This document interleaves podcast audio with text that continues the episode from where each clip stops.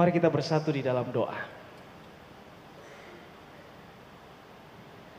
Ya Yesus terangmulah pelita hati kami. Jangan biarkan kegelapan dunia memenuhi hati dan pikiran kami. Sehingga kami tak merasakan terangmu hadir. Jangan biarkan hati dan pikiran kami dilingkupi oleh kebisingan dunia. Sehingga kami tak dapat mendengarkan engkau berbisik. Jangan biarkan telinga kami dipenuhi oleh suara-suara yang mengganggu. Bisikanmu, kabar baik darimu, nyata bagi kami. Malam hari ini Bapak, sebagai anak-anak muda kami datang. Karena kami percaya Engkau hendak berbicara dan menyapa kami semua. Mampukanlah setiap kami dan urapi setiap kami, baik yang memberitakan maupun yang menerimanya. Sehingga setiap kami diubahkan oleh Tuhan menjadi pelaku-pelaku firman. Di dalam nama Tuhan kami Yesus Kristus, dan dalam pertolongan Roh Kudus kami berdoa. Amin. So sekalian, kita akan bersama membuka bahan perenungan kita di malam hari ini dalam ibadah syukur awal tahun Komisi Pemuda GKI Kebayoran Baru dengan bersama membuka Injil Lukas pasal 1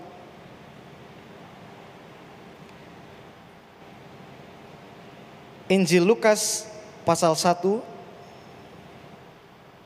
ayat 28 sampai 38.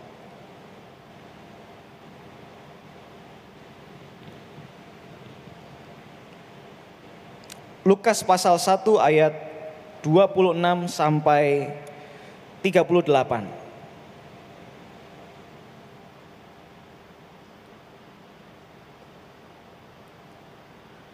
Dalam bulan yang keenam, Allah menyuruh malaikat Gabriel pergi ke sebuah kota di Galilea bernama Nazaret kepada seorang perawan yang bertunangan dengan seorang bernama Yusuf dari keluarga Daud. Nama perawan itu Maria. Ketika malaikat itu masuk ke rumah Maria, ia berkata, "Salam hai engkau yang dikaruniai, Tuhan menyertai engkau." Maria terkejut mendengar perkataan itu, lalu bertanya di dalam hatinya, "Apakah arti salam itu?" Kata malaikat itu kepadanya, "Jangan takut, hai Maria, sebab engkau beroleh kasih karunia di hadapan Allah." Sesungguhnya engkau akan mengandung dan akan melahirkan seorang anak laki-laki dan hendaklah engkau menamai dia Yesus. Ia akan menjadi besar dan akan disebut anak Allah yang maha tinggi. Dan Tuhan Allah akan mengaruniakan kepadanya tahta Daud, bapa leluhurnya, dan ia akan menjadi raja atas kaum keturunan Yakub sampai selama-lamanya dan kerajaannya tidak akan berkesudahan. Kata Maria kepada malaikat itu, "Bagaimana hal itu mungkin terjadi karena aku belum bersuami?"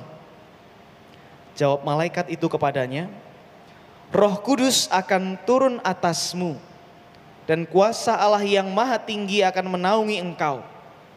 Sebab itu, anak yang akan kau lahirkan itu akan disebut Kudus, Anak Allah." Dan sesungguhnya Elizabeth, sanakmu itu, ia pun sedang mengandung seorang anak laki-laki pada hari tuanya, dan inilah bulan yang keenam bagi dia yang disebut mandul itu. Sebab bagi Allah tidak ada yang mustahil. Kata Maria, sesungguhnya aku ini adalah hamba Tuhan. Jadilah padaku menurut perkataanmu itu. Lalu malaikat itu meninggalkan dia. Selamat malam rekan-rekan muda sekalian. Selamat Natal, selamat tahun baru. Bagi kita yang baru saja berjumpa, karena mungkin teman-teman baru pulang liburan, mungkin teman-teman uh, baru pulang dari cuti, lalu teman-teman masuk kembali ke dunia kerja atau studi teman-teman dan malam hari ini kita boleh bersama-sama ada untuk mensyukuri tahun yang baru yang boleh kita sambut dan jalani bersama. So sekalian, tema kita kali ini adalah apa kasih karuniamu? Apa kasih karuniamu? Tapi sebelumnya saya tidak ingin teman-teman buru-buru untuk menjawab itu.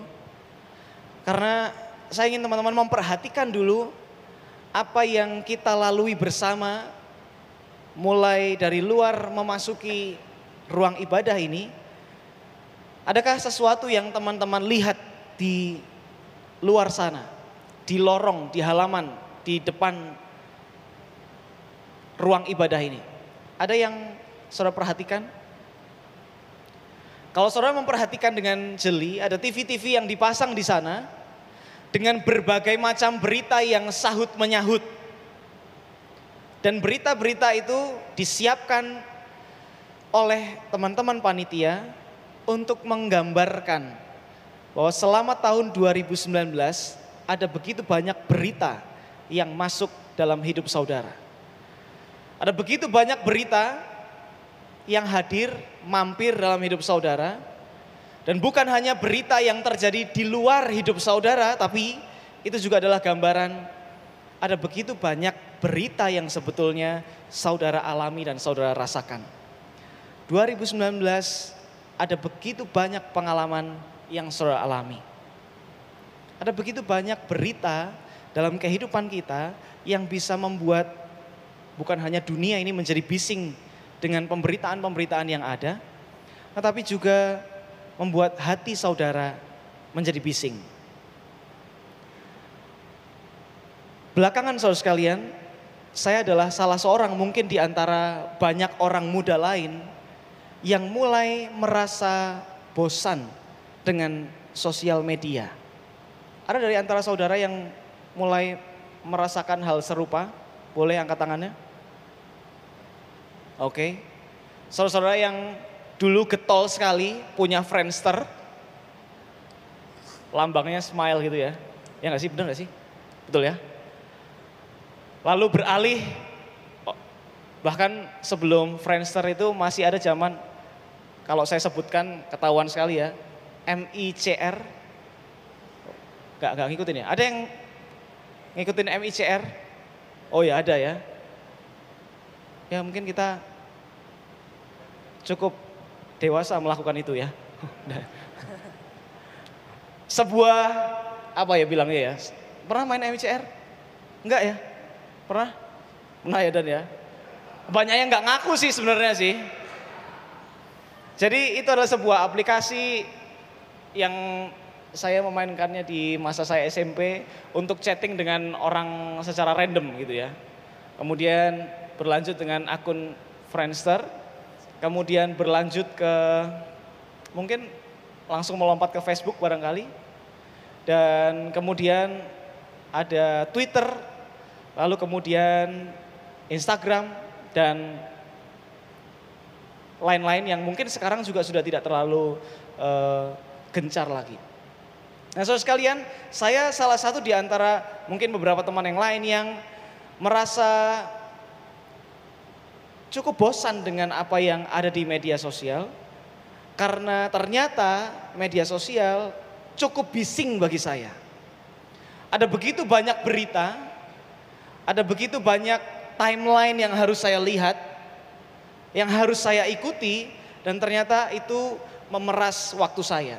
Mungkin saudara pernah mengalami juga, saudara pulang dari kantor, saudara pulang dari kuliah, saudara pulang dari studi, saudara pulang dari gereja, mungkin sudah menjelang tengah malam, dan itu pun setelah berjuang dengan macet-macetan dan saudara di jalan sudah bilang, saya sampai rumah, mandi dan tidur. Tapi apakah betul itu yang terjadi? Bagian mandinya syukur-syukur kalau iya, kalau terjadi bagian mandinya. Dan kalaupun tidak, ada satu hal yang pasti terjadi, yaitu saudara berkedok mematikan alarm atau menyalakan alarm, men-setting alarm Dan dengan kedok itu saudara, ya nggak apa-apa lah. Lihat stalking akunnya si A. Nggak apa-apa lah, kita buka Instagram. Bukan hanya buka di bagian homepage-nya, tapi kita lihat di bagian search-nya. Dan saudara mulai menggeser, menggeser, sampai setengah satu, menggeser, menggeser, sampai setengah dua dan saudara menyadari bahwa mata saudara sudah kering. Saudara pernah alami hal yang serupa? Dan ternyata itu merusak waktu istirahat saudara dan besok saudara akan melakukan rutinitas kembali dengan mungkin semangat yang tidak terlalu membara dan malam saudara akan melakukan itu lagi dan begitu seterusnya. Saudara sekalian, kebisingan ternyata bukan hanya membuat saudara bosan, tapi tanpa kita sadar menyedot energi saudara. Kebisingan yang ada di dunia itu sering kali menghabiskan tenaga saudara. Beberapa waktu ini sekalipun saya bilang bahwa saya mulai bosan dengan uh, media sosial, saya iseng untuk menguji apa betul saya bosan. Saya menyalakan kembali Twitter saya yang sudah saya matikan mungkin sejak tahun 2000 enggak tahu 15 atau 16 kalau saya tidak salah.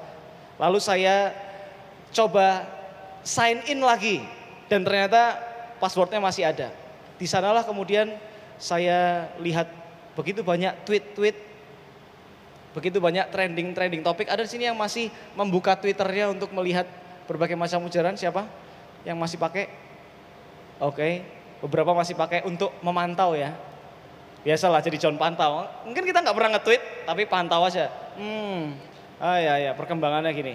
Mulai dari motivasi-motivasi Kristen ya, yang selalu tweet-tweet ayat-ayat Alkitab atau motivasi-motivasi saudara yang kayaknya habis itu membuat saudara bersemangat untuk mengawali hari karena saudara tahu bahwa penyertaan Tuhan selalu baru tiap pagi yang gitu-gitulah. Sampai ke tweet-tweet berikutnya yang mungkin saudara lihat trending topik, mungkin bikin jokes di tengah-tengah banjir, saudara, wah lalu saudara mulai melihat, aneh, nggak bener banget ya, seterusnya dengan berita-berita panas politik, berita-berita yang simpang siur yang begitu banyak yang kadang kita nggak tahu benar atau enggaknya, atau sebatas mengikuti akun-akun apa gereja palsu kah untuk menjadi hiburan saudara gitu kan. Wah lucu nih. Untuk menertawakan kehidupan kekristenan kita misalnya gitu ya. Terus kalian apa pun yang saudara lakukan tanpa kita sadari sebetulnya semua itu dapat menyerap energi dan kekuatan kita sehingga mungkin ketika saudara mau mengawali hari dengan suasana yang positif, yang bersemangat, saudara di tengah-tengah hari saudara akan merasakan keletihan yang luar biasa karena bahkan ketika saudara menyadari pekerjaanku nggak kelar-kelar tapi tenagaku habis. Ada apa ini? Justru karena di sanalah dunia menyerap energi saudara tanpa saudara sadari. Nah, so sekalian, di tengah-tengah kebisingan itulah kemudian ada banyak orang dan banyak orang muda dan mungkin termasuk kita yang kemudian bertanya kepada Tuhan, kok di tengah-tengah kebisingan ini tidak terasa suara Tuhan, tidak terasa sapaan Tuhan. Secara imajinatif dalam iman kita mungkin kita bisa membayangkan kenapa di dalam kebisingan kita sulit untuk mendengarkan Tuhan, karena jangan-jangan Tuhan berbisik dan bukan berteriak. Dalam kehidupan beriman, ada begitu banyak pengalaman orang beriman menemukan Tuhan justru di dalam ketenangan dan keheningan.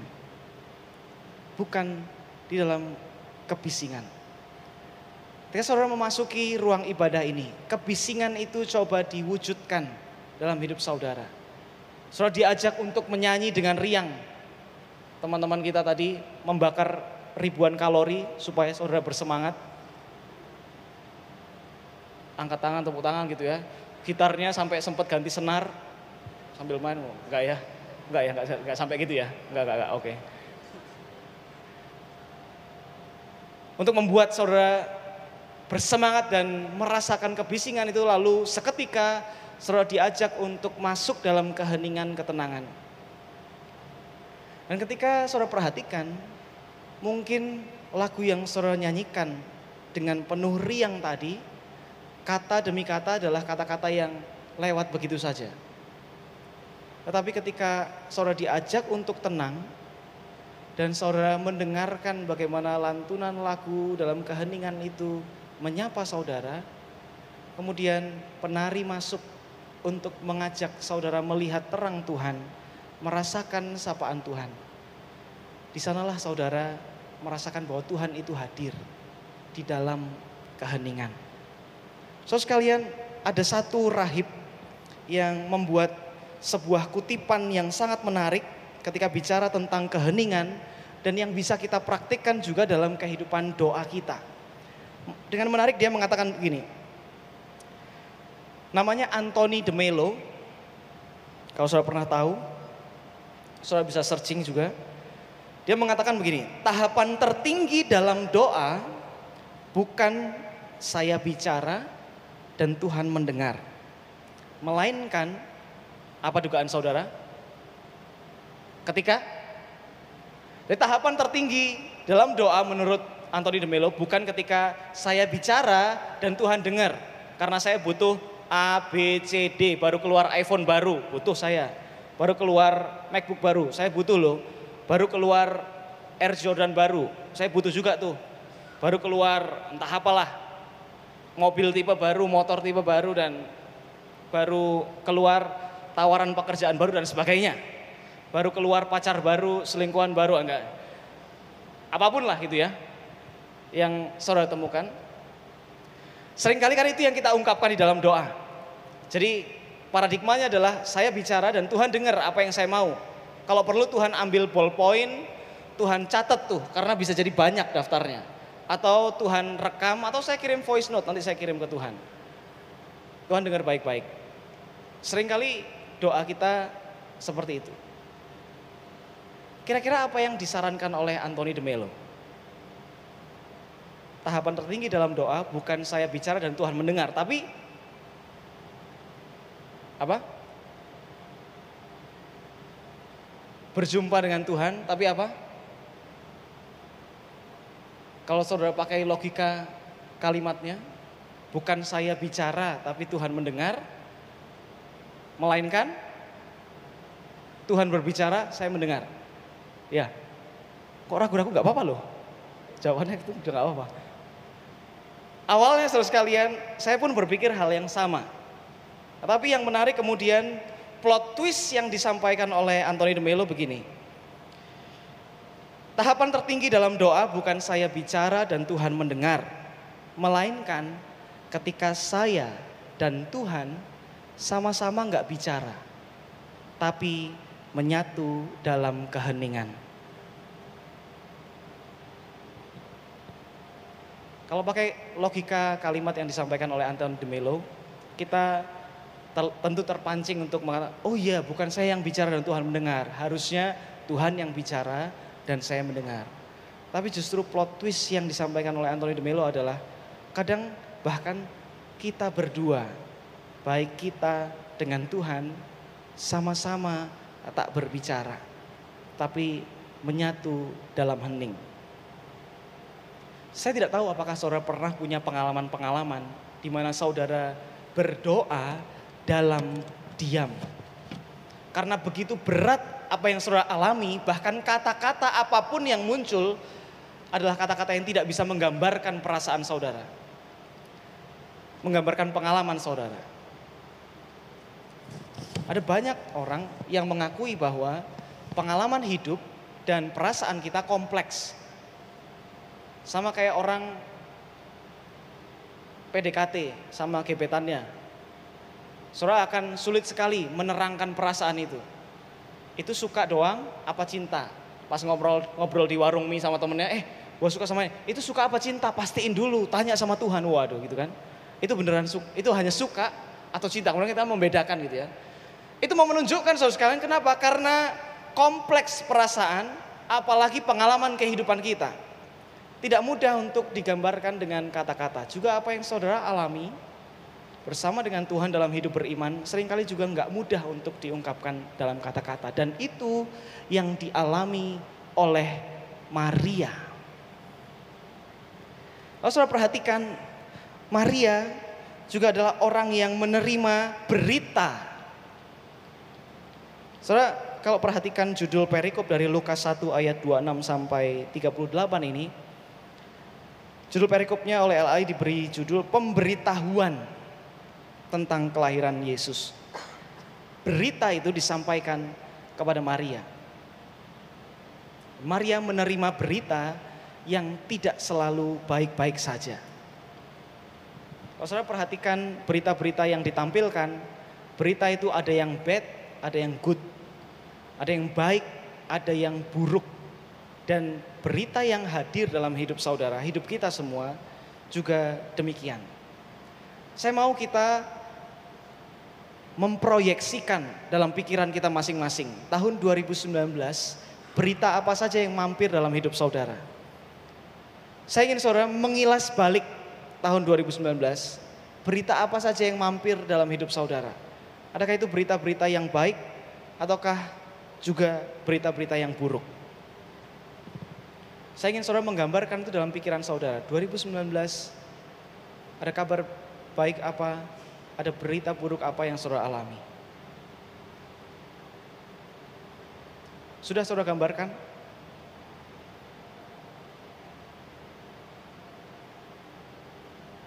Saya akan minta beberapa teman untuk bercerita. Masing-masing beri satu contoh saja. Di tahun 2019, ada berita baik apa yang saudara terima, ada berita buruk apa yang saudara terima. Iya, relawan tadi dengan semangat saya mau bercerita. Oh bukan ya, garu-garu tadi ya. Tapi boleh lah ya.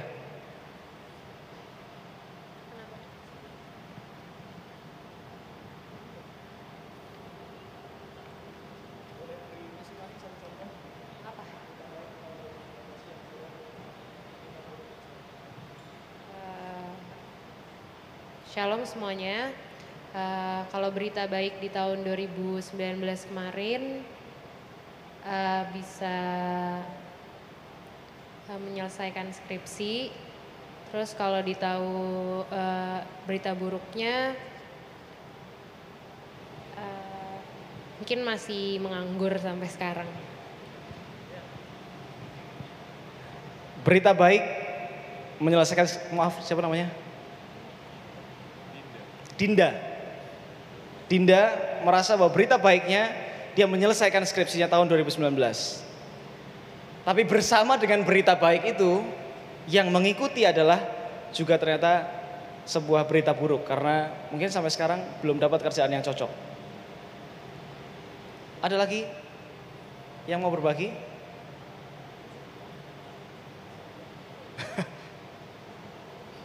Oke. Okay. Saya hanya melihat loh ya. um, shalom semuanya. Uh, nama saya Oicat. Kabar baik buat saya pribadi di 2019 tuh nggak ada.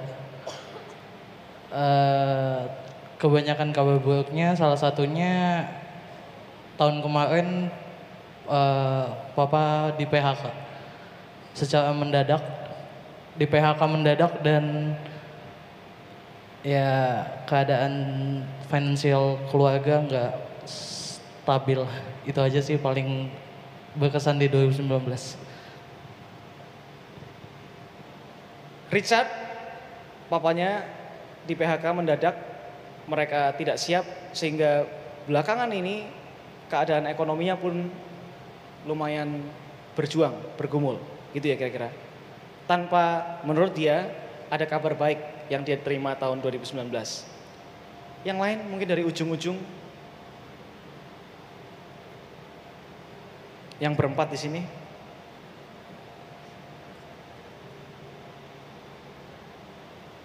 Siapa yang tergerak, terpanggil? Ya, semua melihat ke layar, lihatlah wajah kalian.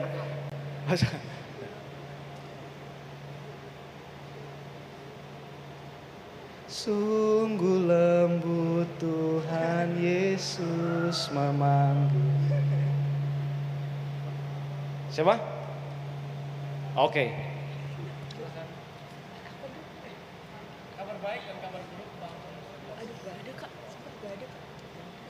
Nggak ada kabar baik apa-apa yang mampir gitu. Dalam hidupmu pasti terjadi sesuatu kan?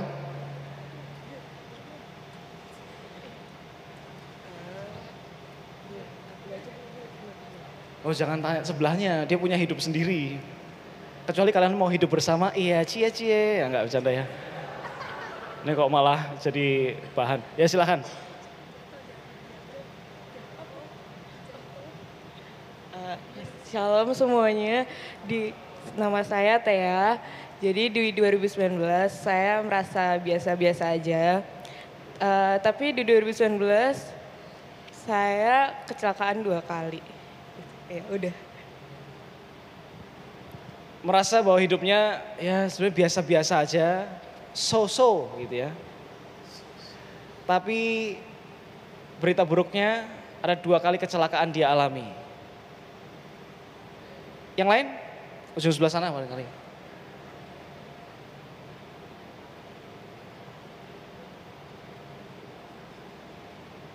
Kayak, ah nggak enak perasaan gitu ya. Silakan. Mau nyampaikan? Oh gitu, diwakili? Didelegasikan. Next saja. Apa? Next. Ya, next. Udah.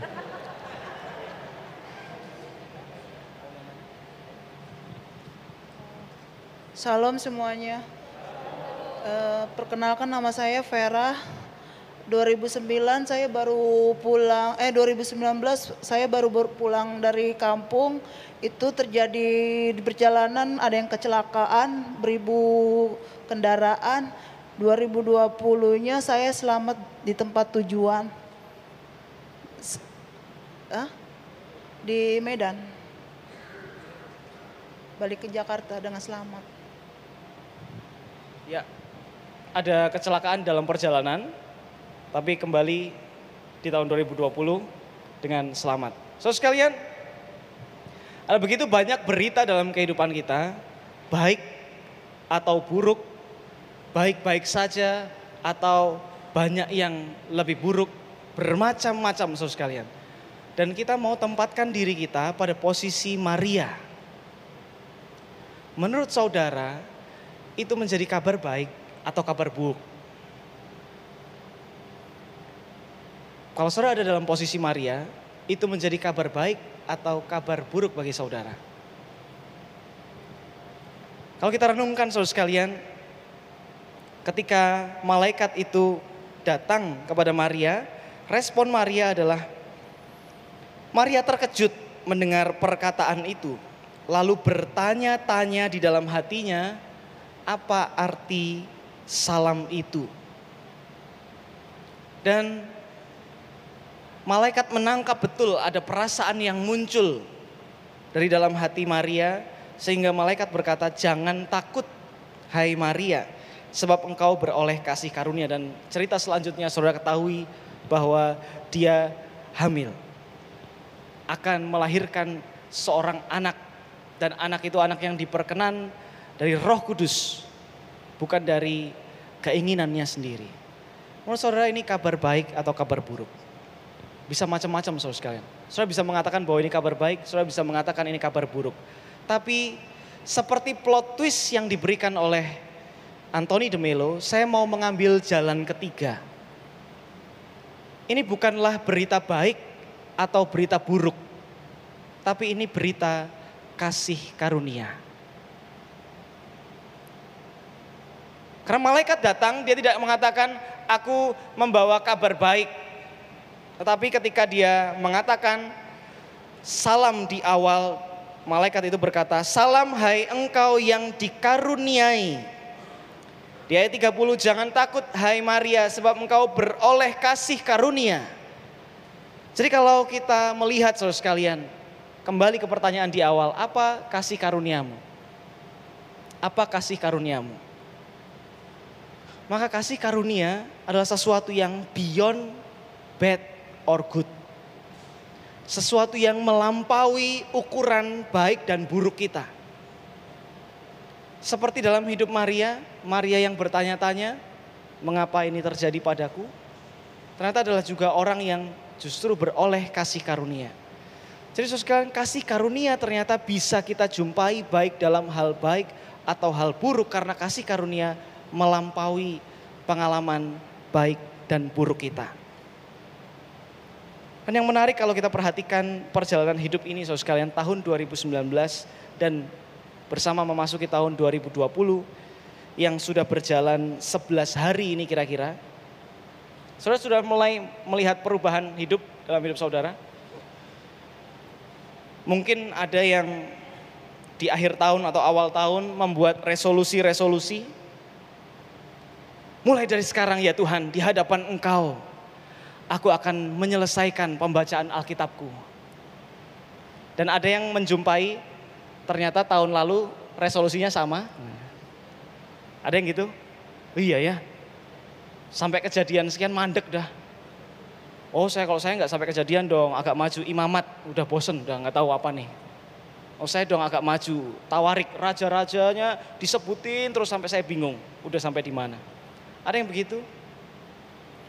Atau ada juga dari antara saudara yang mungkin punya berbagai macam resolusi lain yang mungkin juga adalah resolusi-resolusi yang saudara ucapkan di tahun-tahun sebelumnya dan sampai hari ini belum juga terwujud.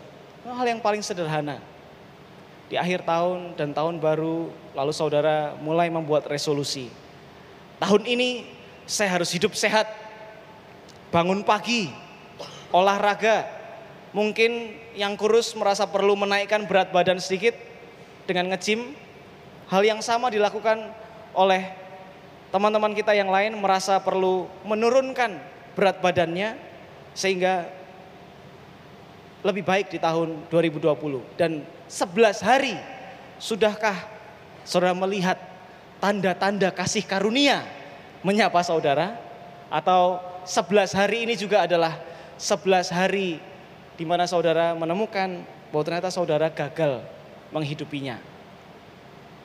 Adakah saudara merasakan hal serupa? Itu mau menunjukkan satu fakta saudara sekalian. Bahwa sering kali kehidupan itu membawa kita dalam hal-hal yang nggak pernah kita bayangkan dan tidak sesuai dengan bayangan kita dan sering kali bahkan mengejutkan kita. Itulah kenapa saya senang sekali dengan sebuah kalimat untuk mengiringi kita memasuki tahun yang baru. Life is always surprise you. Hidup selalu mengejutkan saudara. Karena sekalipun seberapa kuat saudara membuat rencana, selalu ada hal-hal yang di luar rencana. Ada banyak hal yang mengejutkan saudara kenapa ini terjadi, kenapa hal yang tidak saya duga terjadi, baik itu hal-hal yang positif maupun hal-hal yang negatif dalam hidup saudara. Baik itu keberhasilan maupun kegagalan dalam hidup saudara. Tapi kehidupan selalu berhasil untuk mengejutkan saudara dan saya dan itu pun terbaca dari kisah Maria. Si perawan muda ini pun dikejutkan dalam kehidupannya karena ia harus mengandung juru selamat. Seperti saya bilang tadi saudara sekalian, kalau tahun baru identik dengan resolusi. Dan kemudian sepanjang tahun 2020 kita berusaha untuk mewujudkan resolusi itu. Kita cari, kita kejar supaya betul-betul apa yang kita harapkan terjadi di tahun 2020 ini. Beberapa waktu yang lalu ketika sedang mempersiapkan perenungan ini, di TV diputar kembali film Guardian of Galaxy volume 2. Ada yang udah nonton ya? Ada yang tim Marvel di sini? Tolong tim DC jangan marah. Nanti ah ini bahas, malah keluar lah gitu ya. Enggak. Ketika saya menonton Guardian of Galaxy, saya tentu memuji karena bagus dan seterusnya. Ceritanya jenaka, lucu, asik dan seterusnya. Tetapi tidak pernah saya dapat refleksi yang nyambung dengan perenungan ini. Yaitu ketika saudara ingat bagian di mana di volume 2 Quill, Peter Quill betul ya, tokoh utamanya, itu bertemu dengan yang ngaku-ngaku sebagai bapaknya. ya. Terus dia begitu senang, ada adegan di mana dia akhirnya impiannya terwujud, dia bisa lempar-lemparan batu, lempar-lemparan eh, bola dengan eh, ayahnya, satu pengalaman yang barat sekali lah. Kita kan nggak ada ya yang senang lempar-lemparan bola sama bapaknya. Nggak ada ya, karena kita nggak ngalami bahwa itu sebuah pengalaman yang asik gitu ya. Nggak, kalau mereka eh, itu kultur sekali, bagian dari hidup mereka, mereka senang banget bisa lempar-lemparan eh, bola dan lempar tangkap bola bersama dengan ayahnya. Lalu ketika dia tahu bahwa ternyata eh, ayahnya adalah seorang yang jahat dan yang cewek siapa namanya? Gamora. Betul ya? Gamora, gebetannya, menyampaikan bahwa kita harus pergi dari sini karena ternyata bapakmu itu jahat. Lalu dia protes. Kamu ya, dulu aku yang curiga sama dia, kamu suruh aku datang ke entah planet apalah itu. Oh, planet Ego. Saya sampai apal ya. Kayak kerjanya nonton Marvel doang nih, enggak. Sambil nyari apa, bahan renungannya apa ya, satu-satu ditontonin itu ya, enggak. Di planet Ego, lalu ketika tahu bahwa ternyata bapaknya itu jahat, si Gamora bilang, ayo kita pergi dari sini. Kamu ya, sekarang giliran aku sudah dekat, dan aku merasa bahwa dia sungguh-sungguh bapakku, kamu justru membuat aku pergi dari sini. Ketika justru aku yang selama ini mencari siapa keluargaku, ketika aku menemukannya, kamu justru menyuruh aku untuk meninggalkannya. Kamu iri ya sama aku. Lalu kata-kata Gamora sangat menarik untuk dikutip dan berkaitan juga dan bisa kita refleksikan, kita kaitkan dengan semua resolusi yang kita buat. Perhatikan apa yang disampaikan oleh Gamora kepada Quill. Sometimes the things you've been looking for your whole life is right there beside you all along. Saya baca sekali lagi, walaupun medok. It's okay lah ya, nggak buruk-buruk amat. Sometimes the things you've been looking for your whole life is right there beside you all along. Dari bahasa Jawa ini kira-kira artinya begini. Kadangkala hal-hal yang engkau cari dan engkau kejar seumur hidupmu justru ada tepat di sampingmu selama ini. Menurut saya ini berkaitan sekali dengan kasih karunia. So sekalian ketika kasih karunia adalah sesuatu yang melampaui pengalaman baik dan melampaui pengalaman buruk kita. Sebetulnya pengalaman Maria juga adalah pengalaman kita yang mungkin dikejutkan oleh pengalaman-pengalaman yang kita alami di tengah-tengah dunia ini, di tengah-tengah perjalanan hidup kita melewati tahun 2019 dan saya akan jamin saudara sekalian, di tahun 2020 kejutan itu masih ada. Saudara mungkin akan dikejutkan dengan banyak hal lagi, tapi sebelum saudara mengalami itu semua, ketika saudara membuat resolusi-resolusi bagi diri saudara sendiri, saudara membuat capaian-capaian untuk diri saudara sendiri, ingatlah bahwa kasih karunia kadang tidak perlu dicari ke mana-mana. Karena ia datang kepada saudara. Seperti malaikat yang tidak dicari-cari, seperti berita dari malaikat yang tidak dicari-cari oleh Maria, tetapi justru hadir, datang, dan menyapa Maria.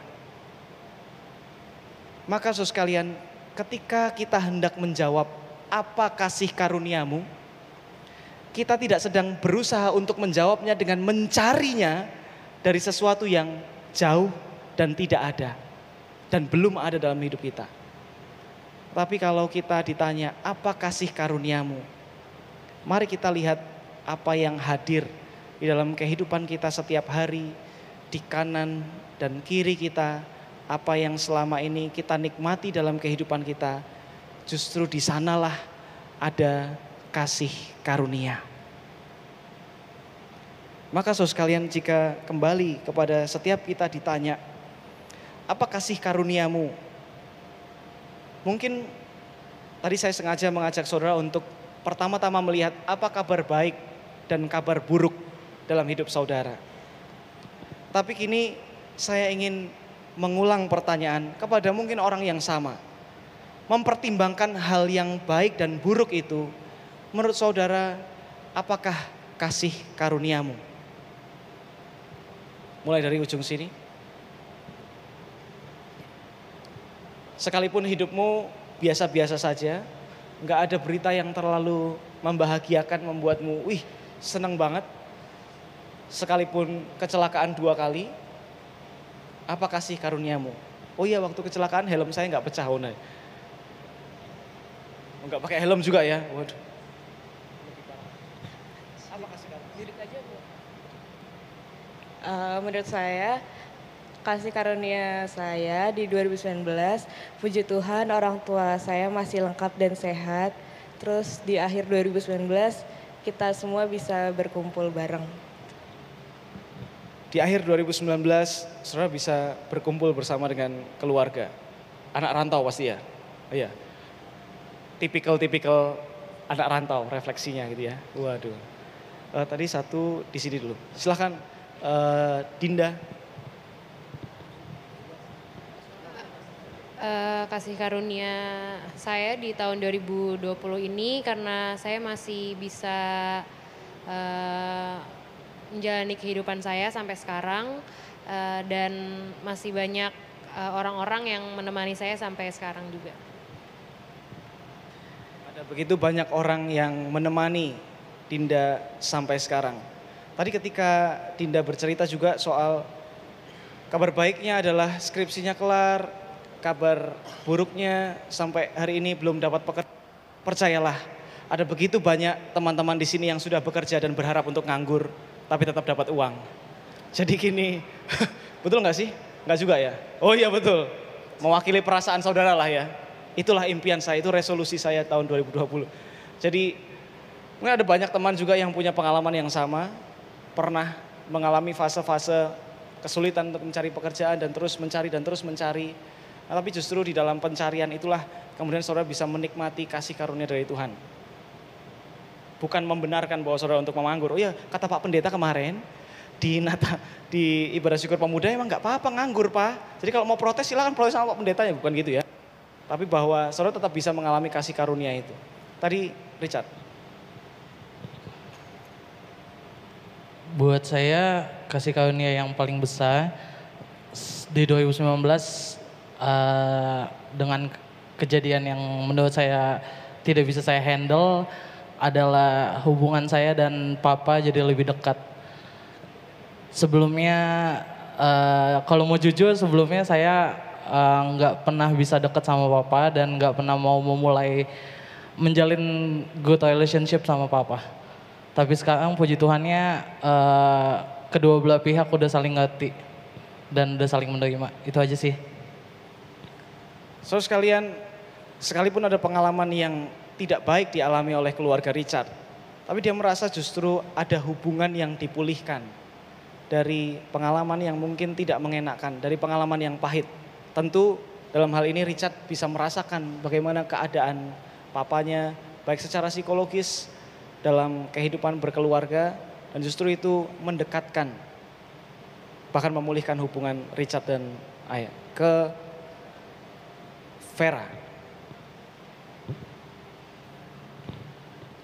Saya berterima kasih kepada Tuhan Yesus yang sudah memper, apa, memperlindungan saya dari pulang kampung sampai menuju ke Jakarta dengan selamat.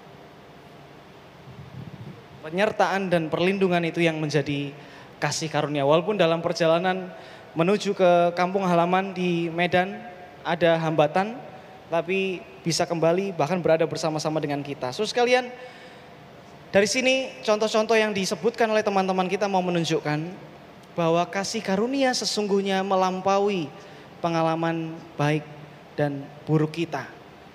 Ada dua orang juga yang akan berbagi kepada kita semua pengalaman kasih karunia yang ia alami dalam kehidupan dua teman ini. Nah kita akan bersama-sama memperhatikannya lewat sebuah video yang akan ditampilkan. Video dua teman kita yang bercerita tentang apa kasih karunia yang ia terima dalam hidupnya.